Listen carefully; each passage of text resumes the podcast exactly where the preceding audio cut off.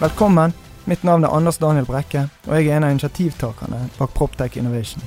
Proptech er teknologi som legger til rette for radikale eller gradvise endringer i måten vi kjøper, leier, selger, designer, bygger, administrerer og transformerer bolig- og næringseiendom. Felles for alle aktørene for å forbli relevant er hvordan man utnytter mulighetene som ligger innen innovasjon, teknologi, samhandling og digitalisering. Men hva betyr dette egentlig for aktørene? Proptech Innovation er en næringsklynge innen eiendomsteknologi. Med denne podkasten skal vi innom ulike deler av verdikjeden. Vi skal finne ut hva disse driverne faktisk betyr. For de etablerte aktørene, for bransjen, forretningsmodellene og verdikjedene. Hvordan vil Proptech endre bransjen, og hvordan ser eiendomsbransjen ut i 2030? Hjertelig velkommen til uh, ny episode. Anders Daniel Brekke her fra Proptech Innovation. I dag har vi med oss en spennende type i uh, Anders Våge Nilsen. Velkommen. Takk. Ja, Jeg begynner med å fortelle litt uh, hvem du er og hva du koker med. Jeg synes det er alltid vanskelig for å sette merkelapp på meg sjøl, men jeg er jo gründer og har jeg vært hele, hele livet, egentlig siden jeg droppet ut av universitetet tilbake på midten av 90-tallet og startet først mediegründer gjennom Friflyt, som et sånt skimagasin, og så har beveget jeg meg derfra inn i sosial eh, teknologi eh, og eh, designverden. Og så har jeg jobbet litt i klyngeprosjekter, både i medieklyngen og i reiselivsklyngen NC Tourism. Og så har jeg da begynt å jobbe nå med oppstartsvirksomhet, i, da gjerne i samarbeid med ulike industrielle aktører og teknologimiljøer og designmiljøer osv. Det siste jeg har holdt på med de siste årene nå, er Waste IQ, som er en uh, dataplattform for uh, hva du si, smarte containerløsninger og, og, nye forretningsmodeller i avfallsbransjen. Ja, hvordan begynte det Waste IQ-prosjektet? Begynte vel strengt tatt med at BIR eh, sin egen IT-avdeling fikk en stor utfordring når de skulle bygge Bossnett i Bergen sentrum. Altså sånn vakuumbasert eh, avfallsinnsamling der du har gravd ned rør under bakken. Og så har du sånne nedkast spredd rundt i byen, og så samler du alt søppelet på en eh, terminal. Som er veldig sånn logistikkmessig effektiv måte å gjøre det på. Og Da hadde man eh, behov for å adgangskontrollere det anlegget der. Eh, og man innførte samtidig en, eh, et sånt insentivgebyr, et sånt pay as you throw-system, der, der avfallsgebyret du betaler, det kommunale avfallsgebyret, avhenger av hvor mye restavfall du kaster i praksis. Altså eh, er det et eh, insentiv for å bli flinkere å resirkulere og for å drive med avfallsreduserende Eh, atferd.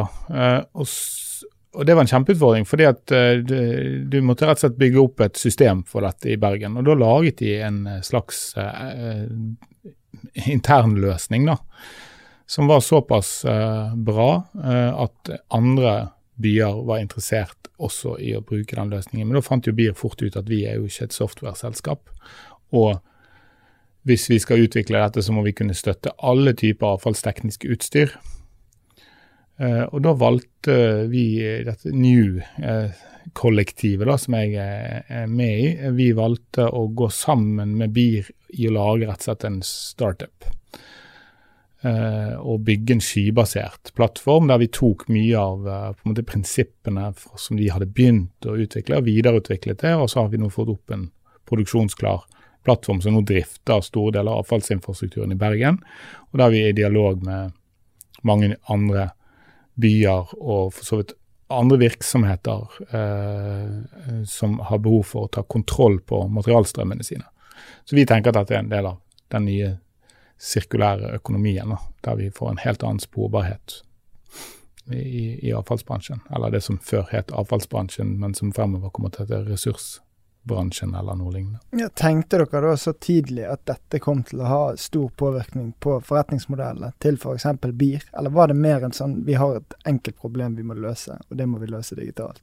Nei, altså vi har hatt sånn businessmodell først-tilnærming, egentlig. For det handler vel, og det er jo en generell, uh, hva vi si, det er veldig lett at teknologiutvikling blir veldig styrt av ingeniører. men strengt tatt i det tilfellet her så handler det om business, og så handler det ikke minst om, om ressursøkonomi. Eh, og et, det er på mange måter et nytt økonomisk paradigme der vi må ta mye bedre vare på, på ressursene. Og, og, jeg har sagt at avfall er egentlig verdifulle ressurser med veldig dårlige metadata. Eh, eh, og, og, med avfall er per definisjon masse sammenblandet material som det er vanskelig å plukke der de rene materialstrømmene er vanskelig å plukke ut igjen. Og Det skjer jo akkurat idet du hiver ting under kjøkkenbenken eller hiver ting oppi en container eller lignende det er jo da den sammenblandingen skjer. og Derfor er det et viktig på en måte en del av, av verdikjeden der, der, det er viktig å digitalisere. For det er der vi kan fange data.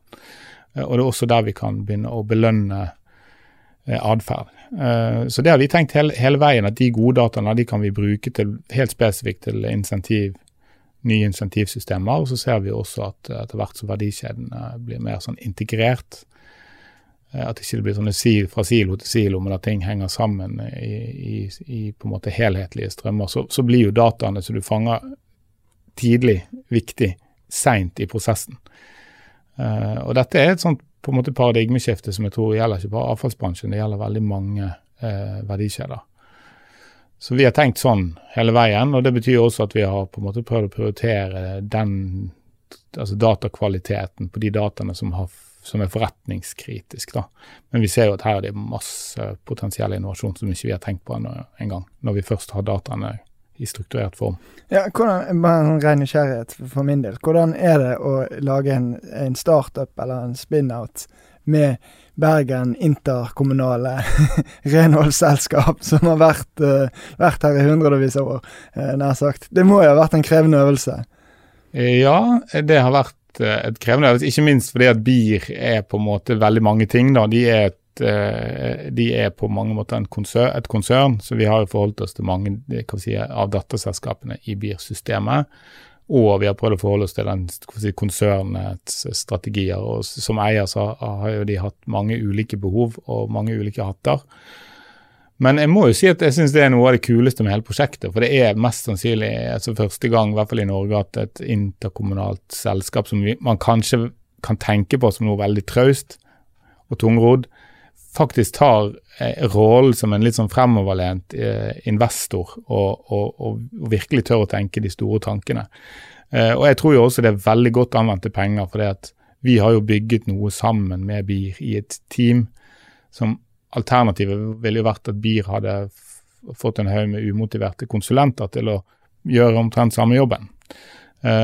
Så vi har jeg tror vi har fått veldig mye igjen for den investeringen, og det er jo en investering. Så vi har jo et mål om at dette skal vokse og bli et selskap med, med finansiell uh, verdi, og vi planlegger for så vidt kapitalutvidelser i selskapet også.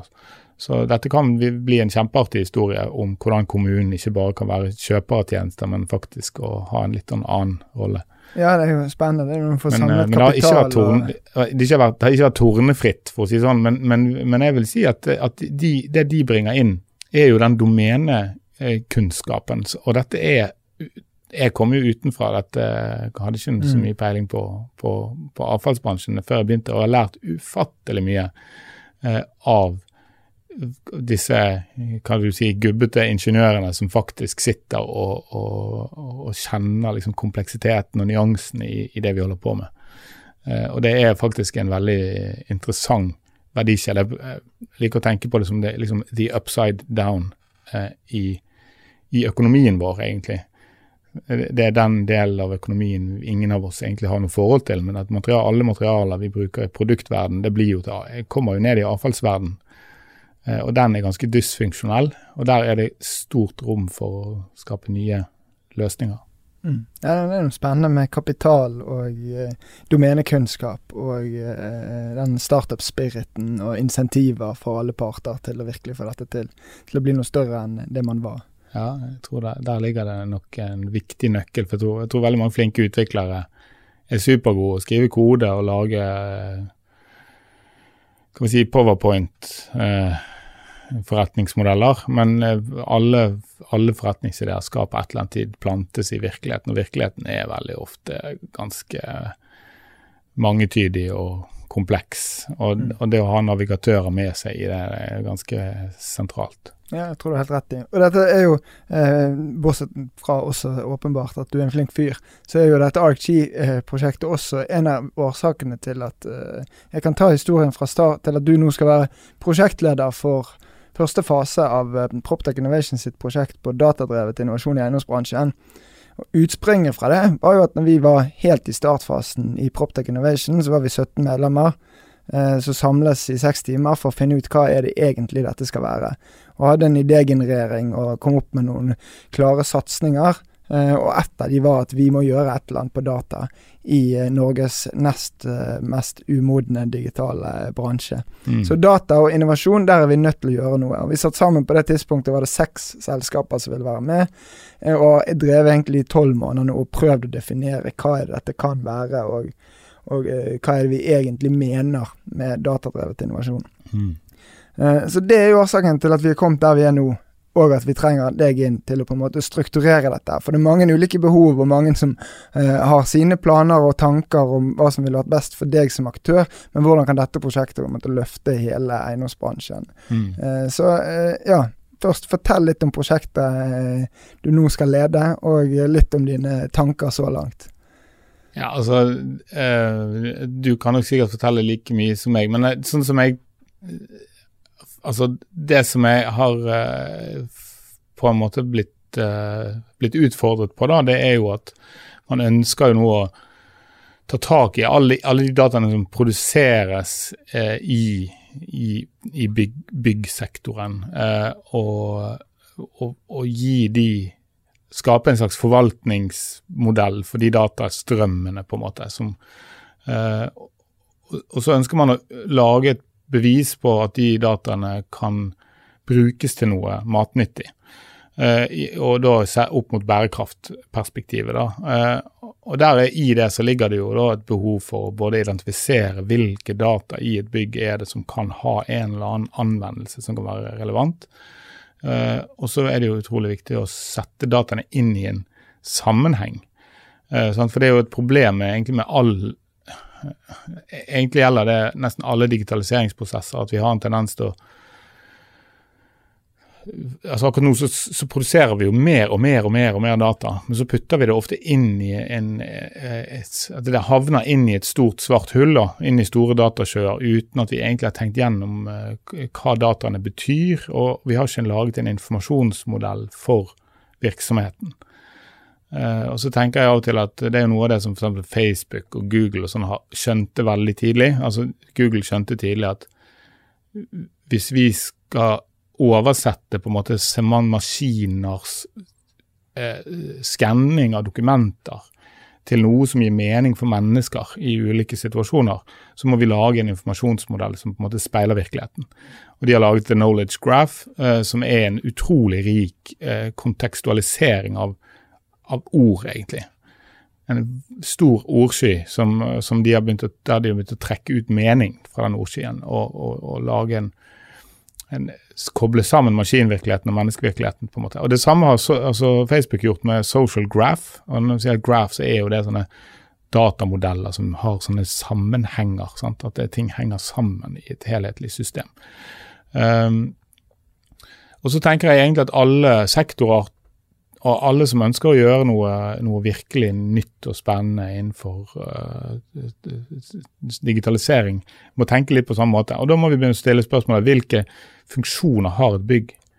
Uh, hva er et bygg? Hvilke, hva produserer et bygg? Hva skjer inni et bygg? Og Da er det jo både sånne harde data som kan måles med sensorer uh, av ulike typer, og så er det atferd Eh, og så er det input og så er det output fra bygg, og så må vi begynne å sette dette litt inn i system. Det er jo altså en, en del av prosjektet som jeg syns er ganske interessant.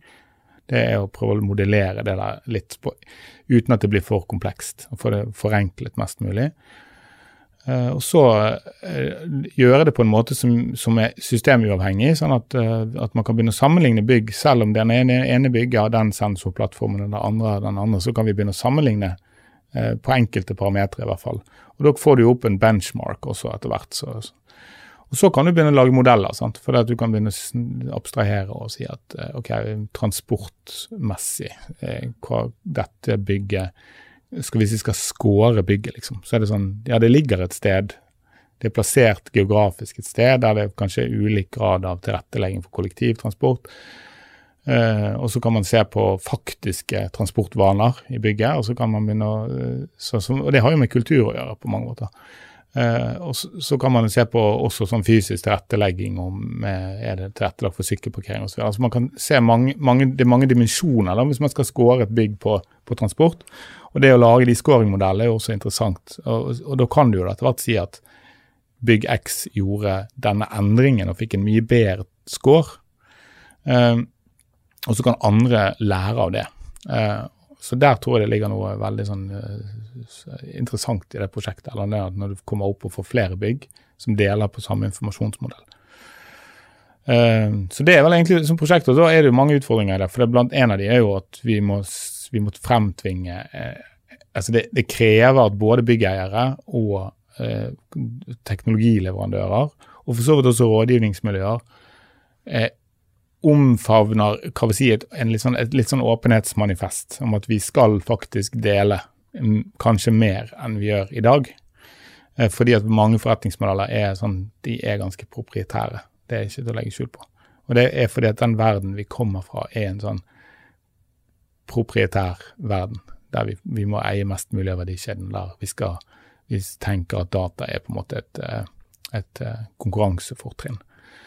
Eh, så det er det, og det er kanskje det jeg tenker på som utfordringen i, prosjektet. Og jeg syns sånne utfordringer er kjempeartig.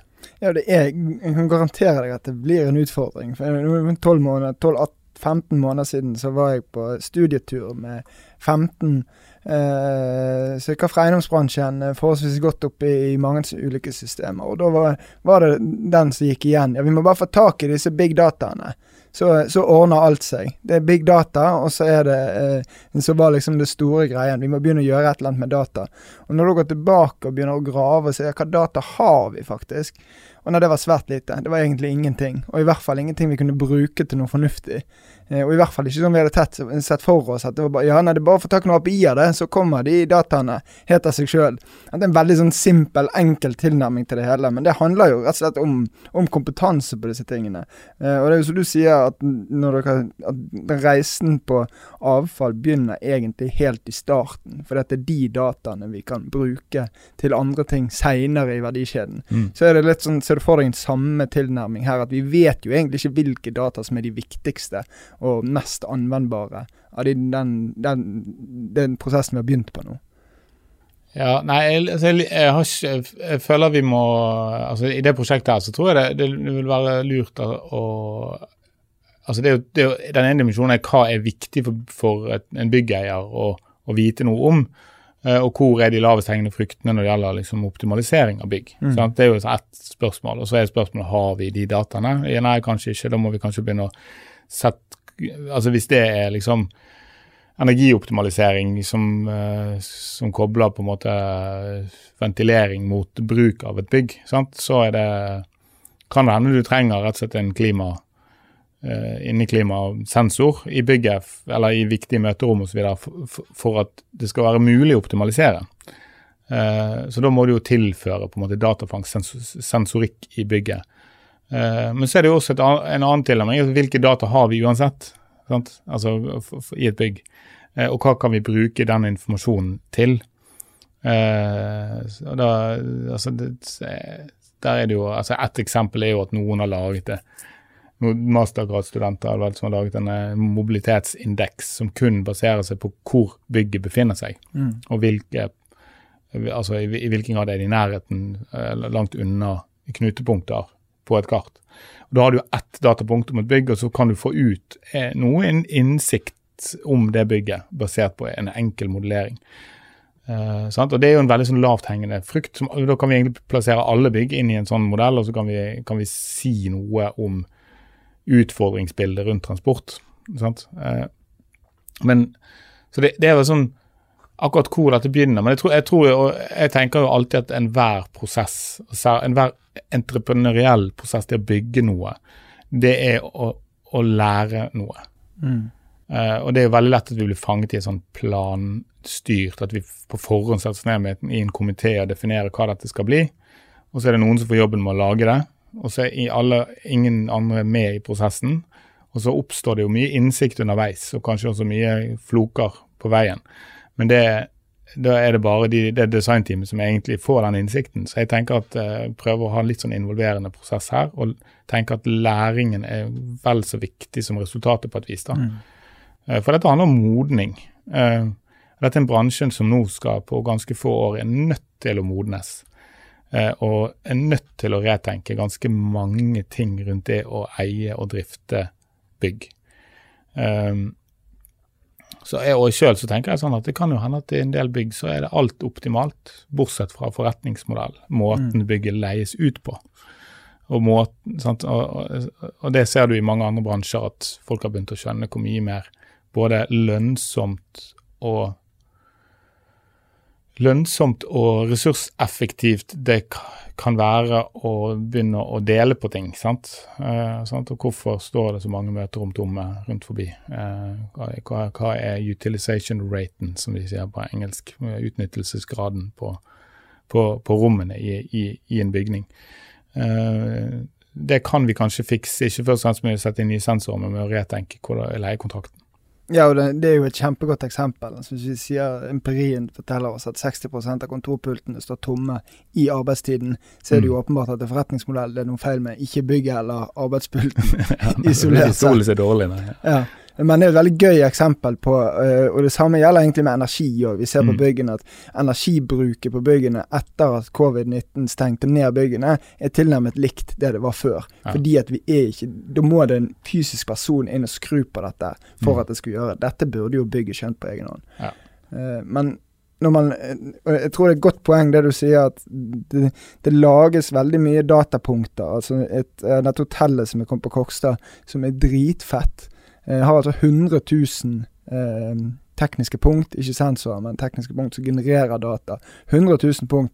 Det var en enormt spennende case. Men igjen, disse dataene er jo plassert inn i et system som var tiltenkt fem år før det ble bygget, at det var mm. dette disse dataene skulle brukes for. Så det fremstår veldig smart, og det fremstår fantastisk brukervennlig i dag. Men mm. hva verdi kan den dataen på en måte gi på sikt, og hva skal vi bruke den dataen til fremover, når nye måter, altså nye forretningsmodeller mm. i forhold til reiseliv og konferanse og alt det som de holder på med. Det er jo utfattelig mye muligheter. Ja. Altså, det er mye muligheter, mye risiko. og altså, det er klart det, det er, Jeg misunner ikke nødvendigvis de som sitter på gammel bygningsmasse nå, som skal på en måte ta investeringsbeslutninger om å gjøre de byggene smartere, for det er ganske krevende. Og det, og det, er jo på samme måte som at når du bygger store, komplekse digitale tjenester, så ender du veldig fort opp med veldig eh, mye teknisk gjeld. Mm. Eh, og, og, jo mer komplekst og svært og, og ambisiøst prosjektet er, jo flere kodelinjer har avhengighet til andre kodelinjer i systemet, liksom. Uh, sånn at det, og det er en, det, Jeg tror det er også sånn at man vil få en slags teknisk gjeld i bygg tenk, med tanke på liksom elektronikken som er montert inn i bygg. og Derfor er det viktig å ta gode beslutninger rundt det. og Det er også viktig at dataene som kommer ut fra disse sensorene, ikke blir sendt rett videre inn i en, en eh, programvareløsning som binder deg fast til én leverandør. Eh, og Det er jo noe vi har opplevd mye med i WasteIQ, og det er kanskje det vi har utfordret mest i det prosjektet. Det er jo de modellene der noen hardware-leverandører bruker sensorer på en måte for å lage en kundelås på at de skal selge en software. For det er bare den softwaren som kan forstå de dataene som kommer ut av den sensoren. Så det å åpne opp eh, og, og, og, og, standardisere disse grensesnittene, eh, det, det og, liksom sørge for at de teknisk sett formateres rett, og at at telleverket på en måte er justert i, i, i for henhold til en standard, da, det er viktig.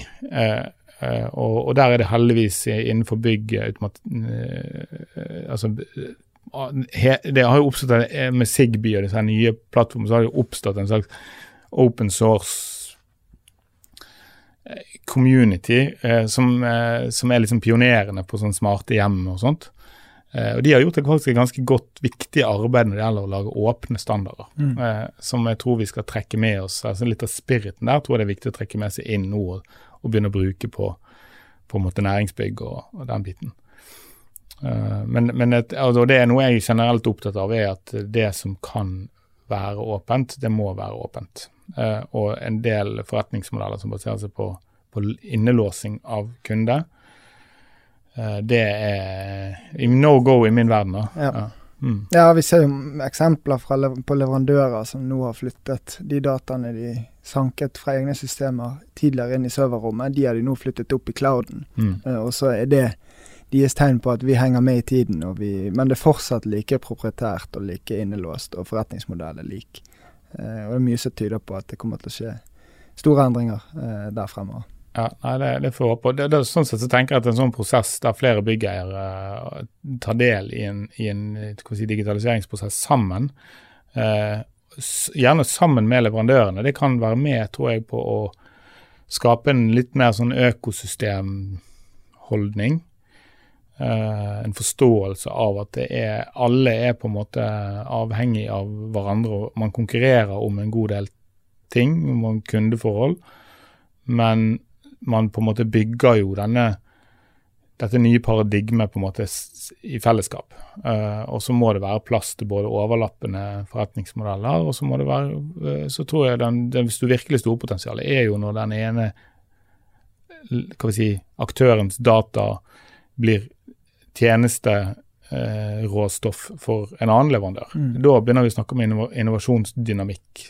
Og der tror jeg jo jeg at Bergen som er på en måte utgangspunktet for uh, altså i hvert fall her, det, her har vi i hvert fall en del av de kompetansemiljøene. Uh, er jo en veldig fin by å, drive innovasjon på den måten fordi at det er en sånn akkurat passe stor by med, med relativt uh, korte linjer mellom beslutningstakerne, som gjør at du kan få til litt kule pilotprosjekter.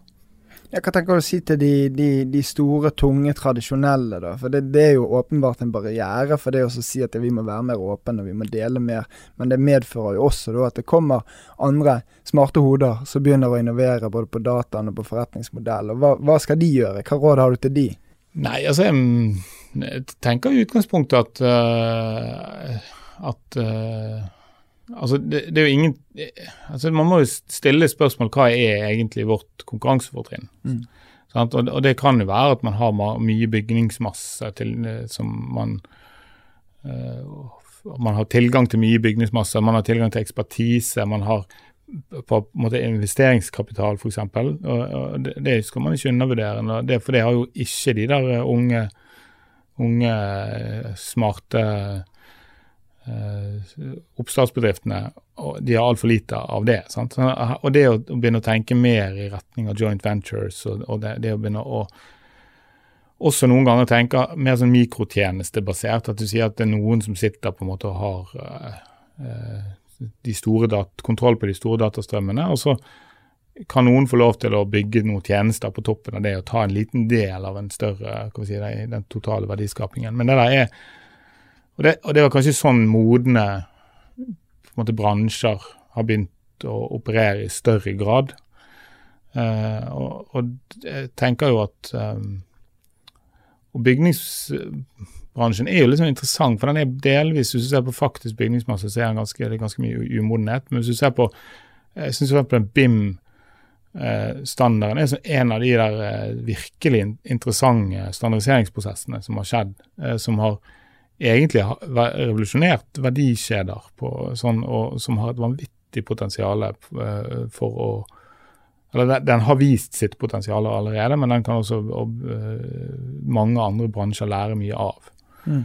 Uh, så det er jo, så den, det er jo også har jo vært gjort mye pionerarbeid også i, i, bransjen. Og nå er det mer spørsmålet om å, om å anvende eh, det som allerede finnes av teknologi, uh, og, og, prøve å retenke litt forretningsmodeller rundt det. Mm. Ja, Hvis vi ser helt til 2030, da, hvor er vi da? Eiendomsbransjen. Jeg utfordra tidligere på så har vi da autonome byggeplasser. Eh, ja. Men de var ikke så sikre på det. ja. Jeg synes det er 2030. Altså, for det første så tror jeg at i energiperspektiv så, så vil vi tenke at eh, fysiske, eh, fysiske uh, konstruksjoner eh, med stor eh, utvendig areal vil være uh, energiproduserende og ikke energikonsumerende. Og så tror jeg vi vil se i større grad en sånn multifunksjons... Altså, jeg, jeg tror f.eks. at dette med sånn vertical farming, for eksempel, som er sånn, sånn du, du, kan bruke en vegg, en solvendt vegg til uh, drivhus, uh, og, og, det, og, og, det, er allerede på en måte lønnsomt gjort rett i mange uh, sånne piloter rundt forbi. Mm. og da kan du jo ha sånn at bygget på en måte er noe mer enn bare et sted å sitte med laptopen og sende e-post. Um, og så tror jeg vi kommer til å gå inn i et litt nytt paradigme rundt uh, altså selve by det, De ideene som rundt uh, urbanitet kommer til å endre karakter. Og Det betyr at jeg tror at byggene også vil uh, designes for å kunne fylles med liv gjennom hele døgnet. At de må være veldig sånn effektive. Og at byggene inngår i en eller annen sånn sammenheng med de andre byggene i, i, en, i et en byrom. da. Mm. Ja, bor vi bor vi sånn som vi bor? Om å gjøre å eie og om å gjøre å flytte litt, litt dyrere hvert femte år? ja, det, det, er et godt spørsmål. Altså, jeg, nå, det er jo mye som paradoks. Altså, jeg har sjøl et sånt jeg selv sånn jeg, jeg, sånn, bodde liksom i en trang, trangt rekkehus på Landås, og så fikk vi tre unger, liksom, og så ble det altfor trangt. og Så fant vi ut at vi måtte ha et større hus, og så var det et gammelt hus som var pusset opp huset og brukt mye av mitt, mitt, voksen de siste ti årene på å pusse opp mens jeg har, har hatt unger, liksom. Og nå er jo ungene frem og blir så store at jeg merker at nå skal de snart flytte ut.